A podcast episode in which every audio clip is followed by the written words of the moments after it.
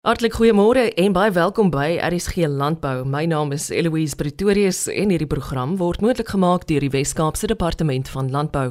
Warren Bam boer met tafeldruiwe naby Saron in die Wes-Kaap. Hy werp graag lig op wat hy noem sy gunsteling manier van organiese onkruidbestryding is. Die ander alternatief wat jy nou het is om uh, meganiese beheer toe te pas. Maar dan kan jy nie naby die die die die, die stok kom nie of van die plantry kom nie. Jy kan dit miskien in die werksry doen. Maar ek persoonlik hou nie van meganiese beheer nie waar jy letterlik met uh, 'n uh, bossie slaaner die of 'n stokkie slaaner die die grasse onder beheer bring. As ek sê onder beheer bring dan ja, hulle die kry dit regtig uit die grond het jy. Dis maar net jy sny dit korter. Maar persoonlik hou ek nie van daai praktyk nie. Daar's niks verkeerd aan organiese boerdery daarmee nie. En dit het 'n plek ook sommige kere.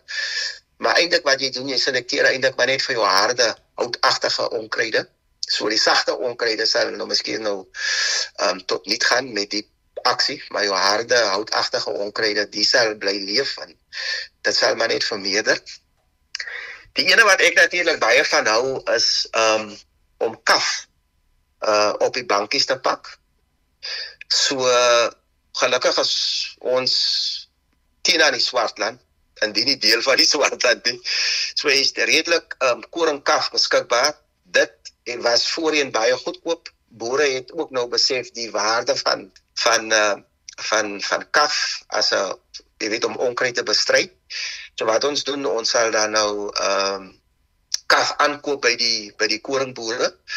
Um 'n klein baaltjie. Dis ook 'n ander uitdaging wat alles al hoe meer in die gesig staar, 'n klein baaltjie kaf het verlede jaar met afleweringskoste was dit omtrent R25 afgelewer op die plaas. En uh, ons gebruik so uh, 1250 bale per hektaar. So jy kan nou daai sommetjie maak. Jy weet dis nou wat amper R28000 net om 'n hektaar met kaf te pak.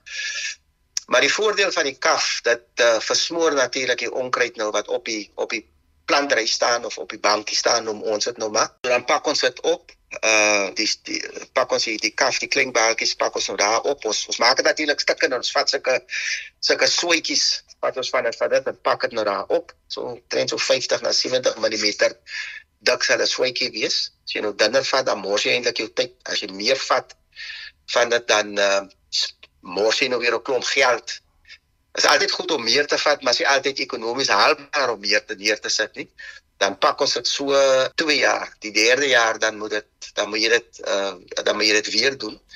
Maar daar's natuurlik ander voordele wat daarmee gepaard gaan soos vogbewaring want ek het nou uh byvoorbeeld 'n drupstelsel. Jy drup natuurlik en dan die vog onder die kaf wat jy gepak het uh die sonlig is nou nie direk daarop nie. Ehm um, so jou wingerde bly dan nou natuurlik baie langer nat. Ehm um, die kaf self begin oor tyd uh, dekomposteer of afbreek. En daai kaf is mos nou organiese materiaal. Oor tyd voed dit die grond natuurlik ehm um, allerlei as jy kan kaf kyk kan maar by jou huis dit op doen kan jy kaf pak haal om 'n vrugteboom of om om jou roosbome as jy nou so wou en dan as jy weer na tyd kyk as jy sien daar's 'n klomp eerdwurms of die eerdwurms kom stelselmatig terug. So langer jy met die praktyk aanhou, meer kom die eerdwurms terug want jy sit mos nou van 'n 'n bron organiese materiaal neer. Jou mikrobes kom terug in die grond. So daar's daar's ander voordele met die met die kafpak storie. Ehm um, mm. en dit is natuurlik my gunsteling manier om onkruid te bestry. Sê vir my, het jy honde daar op die plaas? enige plaas eienaar moet honde het. ja, nee, ja natuurlik. Ek het boerboele is uh, van my uh, geliefkoeste uh honderas en um, ag gaan die temperament is net so mooi en hulle lyk ook baie intimiderend. Hulle is net baie van hulle is nie so aggressief nie, maar hulle lyk baie intimiderend. En ehm um, ja, en en jy weet ons almal bly uh, ons bly in Suid-Afrika. Ons weet ehm um, dat mense party is natuurlik desperaat om geld in die hande te kry, breek hulle in. Ander het natuurlik bymotiewe. Maar as jy hond het, ehm um, dit is so so dis 'n natuurlike alarmstelsel. Ehm um, ek ek wil nog my vrou oortuig om dat ons moet so 3 Jack Russellkies ook aanhou want ene as jy 3 Jack Russell sê dan kom maar nie 'n mens by jou weer van nie. So uh, hoor dit, maar belangrik en is lekker dat dit lewe om jou weer. Dis 'n alarmstelsel. Uh jy moet hulle net mooi na hulle kyk vir hulle kos gee. En dit is mhm. intimiderend ook. Warren Bamboer met tafeldruiwe naby Saron in die Wes-Kaap. Tini Du Plessis boer met Doni Marinos naby Steynsburg in die Oos-Kaap. Hy het ook sy eie skeerdienste onderneming. Du Plessis is besig om hard voor te berei om 'n Suid-Afrikaanse rekord op te stel vir die hoeveelheid skape geskeer in 24 uur. Ons gesels ook oor loopbaangeleenthede vir jong mense in die verband. Ja, uh ag dis 'n idee wat nou al 'n tyd gelede by my gevorm het. Ek was destyds het ek in Australië gewerk vir 'n uh, kontrakteur wat ook 'n soort gelyke rekord geskeer het. En ek het uh, ag van daai tyd af was dit nou maar 'n saaitjie wat by my geplant was en seker so 2 maande gelede het ek besluit dis nou die tyd vol reg af voor. Ons koppel dit aan 'n fondsinsameling vir borskanker. Uh dit is iets wat wat maar in my familie redelik hartseer al veroorsaak het en dit lê my na in die hart so ek dink as ons hierdie poging kan koppel aan iets iets groter as onsself dink ek is dit net soveel beter. Wat die rekord behels, dis 'n 24 skeer uur rekord. Uh 'n gewone skeerdag word opgebreek in 2 skeer uur skofte. So jy skeer 2 ure met 'n halfuur breek en dan skeer jy weer 2 ure en dan 'n halfuur breek en so voort. So gaan die ding aan. So 'n gewone skeerdag is 8 skeer ure. Nou wat die rekordpoging gaan uniek maak is dat ons wanneer die eerste dag se 8 ure klaar is, dan vat ek 'n uur breek en dan begin ek met die tweede dag se skeer. Menende ek gaan deur die nag skeer, die totale rekordtyd gaan 32 ure wees om die rekord te voltooi. En die die mikpunt is om 1000 skaap afgeskeer te kry binne daai 24 skeer ure.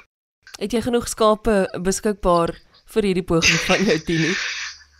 Ja, uh op die stadium is ek nog besig om ons is nog besig om te soek oor daar nog so 'n bietjie water in die see kan loop voor daai tyd. Dis die ander ding, ons het die ideale skaap nodig. Ons het dit is absoluut alles moet uh, moet in plek val vir die rekord om suksesvol te wees. So ons het die ideale tipe skaap nodig en is dit gen, genoeg skaap wat eenvormig is. Die die skape moet dieselfde tipe wees, moet dieselfde wol hê, en so daar's 'n paar goed wat moet moet reg wees en het redelik 'n groot poolskaap nodig om dan nou 1000 uit te soek wat dan nou ideaal gaan wees vir vir die poging. So op die stadium ry ek maar nog so 'n bietjie rond en ek skeer hier en daar en skeer so 'n bietjie skaap by verskillende boere en en so en kyk wie kan ons nader om om genoeg van die ideale skaap in die hande te kry. Dis 'n geweldige fisieke ding ook wat jy gaan onderneem. Wat sluit jou voorbereiding hiervoor in? Ja, ons het uh ek het nou maar uh mense genader wat my help hiermee, mense wat met met sportmense en goed werk en mense help met uh met oefen en met dieet en al daai goede. Dit is nou nie regtig my forte nie, so ek het nou maar hulp ingeroep in daai opsig. Op die stadium doen ek twee oefensessies 'n dag, twee 1 uur oefensessies en dan deur die dag probeer ek nou maar by die skeerhuis uitkom om nog soveel as moontlik geskeer te kry ook deur die dag. En die uh jy praat van die fisieke aspekie van ons het ek het 'n hartrate monitor waarmee ek skeer ook en ons is nou besig om om goeie data in te samel oor hoe fisiek skeer eintlik is en hoe dit vergelyk met met ander uithou vermoë sporte soos ultramarathons en Ironman en daai tipe van goede. En uit die bandjievol data wat ons tot dusver al ingesamel het, is dit eintlik ongelooflik waardeur skeerders elke dag gaan. Die die fisiese aard daarvan en die kalorieë wat verbrand word. So dit is dis 'n ander bonus van van hierdie projek is dat ons kan 'n goeie lig werp op op skeer as 'n sport en die klem lê op hoe fisiek dit is vir die mense wat dit elke dag doen. Tini, soos jy sê, daar's nog baie water wat in die see moet loop en van jou beplanning dan nou sekerlik ook. Wat op hierdie stadium moet jy voorberei, beide, jy weet, geestelik en fisies? Ja, die grootste die grootste struikelblok op die stadium is om genoeg tyd in die skeerhuis te spandeer.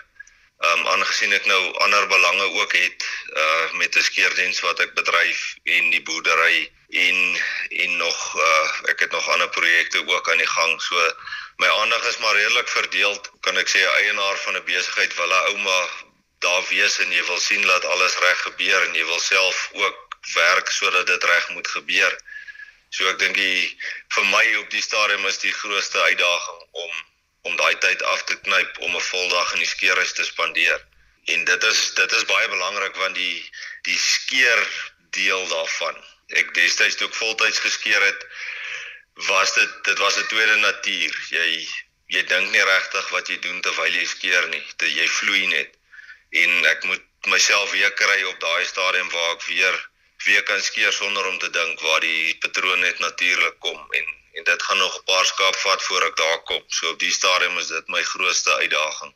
Ja, daar is op die stadium is daar nog nie so rekord nie. Daar's nie 'n bestaande Suid-Afrikaanse rekord nie. Daar's wel 'n wêreldrekord. Ehm um, ek glo nou nie ek is van die kaliber om die wêreldrekord uh, aan te vat nie, maar ons gaan definitief probeer om 'n Suid-Afrikaanse rekord op te stel.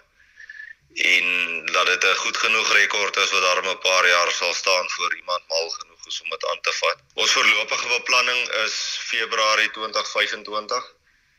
Maar ons het uh, in die beplanningslyn is daar om in Februarie 2024, menende volgende jaar, 'n 12 uur 'n skeer te doen om te sien hoe my oefening en hoe die al die goed wat ons nou in plek gesit het om die om die 24 uur rekord te kan maak of dit op die regte pad is. So teen Februarie volgende jaar behoort ons die storie te toets en dan sal ons kan sê of ek dit gaan oorleef of nie.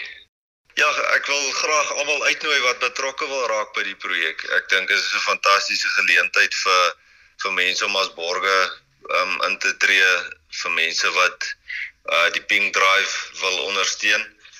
Die hoofdoel van van die rekord is om geld in te samel vir borskanker. En soos ek sê, dit is 'n dis 'n fantastiese geleentheid vir mense om bietjie meer te leer oor skeer. Ons het selfs uh, borgopsies vir mense wat wil aan boord kom deur 'n leerlingskeerder te befonds. Dit skeer is 'n is 'n is 'n fantastiese ding vir 'n jong mens wat dalk nie weet wat om te doen na skool nie, selfs mense wat nie skool klaar gemaak het om in kontak te kom met ons. Ek meen daar's opleidingsgeleenthede reg oor die land en daar's altyd 'n plek vir iemand wat met sy hande wil en kan werk. So dit is 'n goeie geleentheid vir jong jong mans en vrouens, meisies, seuns om hierso te begin om oor see te gaan. Daar is mense wat vir jare lank oor see skeer en en goeie geld verdien. So dit is 'n beroepsopsie vir vir baie mense. Dit is nou bietjie sweet en trane, maar op die einde van die dag is dit 'n is dit 'n werk waar jy betaal word om fiks te wees. So mense kan asseblief met my in kontak kom of met die NWKV. Hulle hulle doen skeeropleiding, maar ek meen hulle kan my direk kontak. Ek het weer kan hulle help met opleidingsgeleenthede en goed vir vorentoe. Dit is jy gaan na Pink Drive, Pink Drive se se webtuiste toe. Tini, dis wonderlik om met jou te gesels. Alle sterkte vir hierdie moedige poging van jou. Ons gaan aan jou dink en ek hoop daar is baie rekords nie net met die skeer van skape nie, maar ook in ander landbouverwante en ander vertakkings ook want ek weet jy's 'n baie ambisieuse jong man wat nog vir jou voor lê. Nee, baie baie dankie. So gesels Tini Du Plessis. As deel van sy veldtog sal daar gereeld nuus op sy sosiale platforms wees onder T24 sharing. Catherine Millwood Bridges is redakteur van die SA Vrugte Joernaal. Sy sluit by ons aan om te gesels oor die publikasie se mondigwording. Ons teikenlesers is natuurlik vrugteboere, maar dan ook belanghebbendes in die bedryf, sowel as lede van die regering. So ons missie of ons doel is om gereeld en effektief inligting aan daai groep bekend te stel vir al ons vrugteboere want hulle is natuurlik ons primêre lesers wat ons teken. So ja, so ons stel dan daai inligting beskikbaar aan hulle in 'n uh, eh, twee maandelikse publikasie wat nou natuurlik die SA Vrugte Joernaal is en die inhoud self is meestal tegnies want ons het natuurlik weet ons moet inligting beskikbaar stel oor verwikkelinge in die markte wêreldwyd en daai tipe ding. So dis dis 'n groot porsie van die inligting is tegnies, maar dan het ons ook bedryfsnuus wat ook belangrik is en ons het natuurlik inligting oor byvoorbeeld transformasie en daai tipe ding. So ja, ek dink die algeheel is dit 'n goeie publikasie en ek dink die inligting is natuurlik relevant en ons probeer om dit so relevant en interessant en up to date as moontlik te hou. Waar kan lesers hierdie publikasie in die hande kry? So ons het dit aanlyn waar jy natuurlik aanteken waar jy inteken en dan het ons natuurlik die gedrukte weergawe wat die meerderheid van ons lesers, die meerderheid van ons vrugteboere natuurlik teesta verkies. Hulle verkies die gedrukte weergawe, maar daar is 'n porsie wat ook verkies om dit aanlyn te kry. 2023 is 'n baie opwindende jaar vir julle. 21 jaar oud. Hoe vier julle dit? O, oh, Eloise, dit is 'n groot mylpaal vir die publikasie. 21 jaar, dis mondigwording en ons is heel opgewonde oor die hele storie want dit beteken vir ons so baie. Ja, ons het natuurlik baie mense om te bedank. Ons wil graag luisteraars uitnooi om ons op die sosiale media te volg. En ja, ek dink dit is net vir ons is dit meer as dit is natuurlik 'n mylpaal en mondigwording is iets vir om oor opgewonde te wees, maar daar is soveel geskiedenis agter die vrugtejoernaal en en om dit te probeer om 'n prentjie vir die luisteraars te probeer skets moet ons seker so ver teruggaan as die 1950s. So die sagte vrugteboer of die deciduous fruit grower deur die sagte vrugte raad geloods is. En dis nogal noemenswaardig om te dink dat die vrugtebedryf destyds al die belangrikheid van effektiewe en gereelde kommunikasie besef het. Die regulasie het toe in 1997 plaasgevind en die Deciduous Fruit Producers Trust of die sagte vrugte produsente trust word toe die koördineerder van die kern- en steenvrugtebedrywe. Die trust verander toe sy naam in 2013 na Woodgrow. En Woodgrow het toe die Suid-Afrikaanse vrugtejoernaal in 2002, Junie 2002 geloods. So daar's 'n bietjie geskiedkundige konteks vir die vir die um, luisteraars rondom die Suid-Afrikaanse vrugtejoernaal wat terloops die hoofpublikasie van die Suid-Afrikaanse vrugtebedryf is. Dit was eers maandeliks gepubliseer en deesdae is dit twee maandeliks beskikbaar en soos ek genoem het die oorgrootste meerderheid van ons lesers verkies om die publikasie hulle verkies die gedrukte weergawe van die publikasie maar ons het dit ook aanlyn beskikbaar waar mense natuurlik kan inteken om toegang te kry. Waar kan ons aanlyn inteken Catherine? Dis by www.safj.co.za. Ja, so ons aanlyn ons het eers in 2021 aanlyn gegaan. So uh, ons following as dit so noem is redelik klein maar dit groei.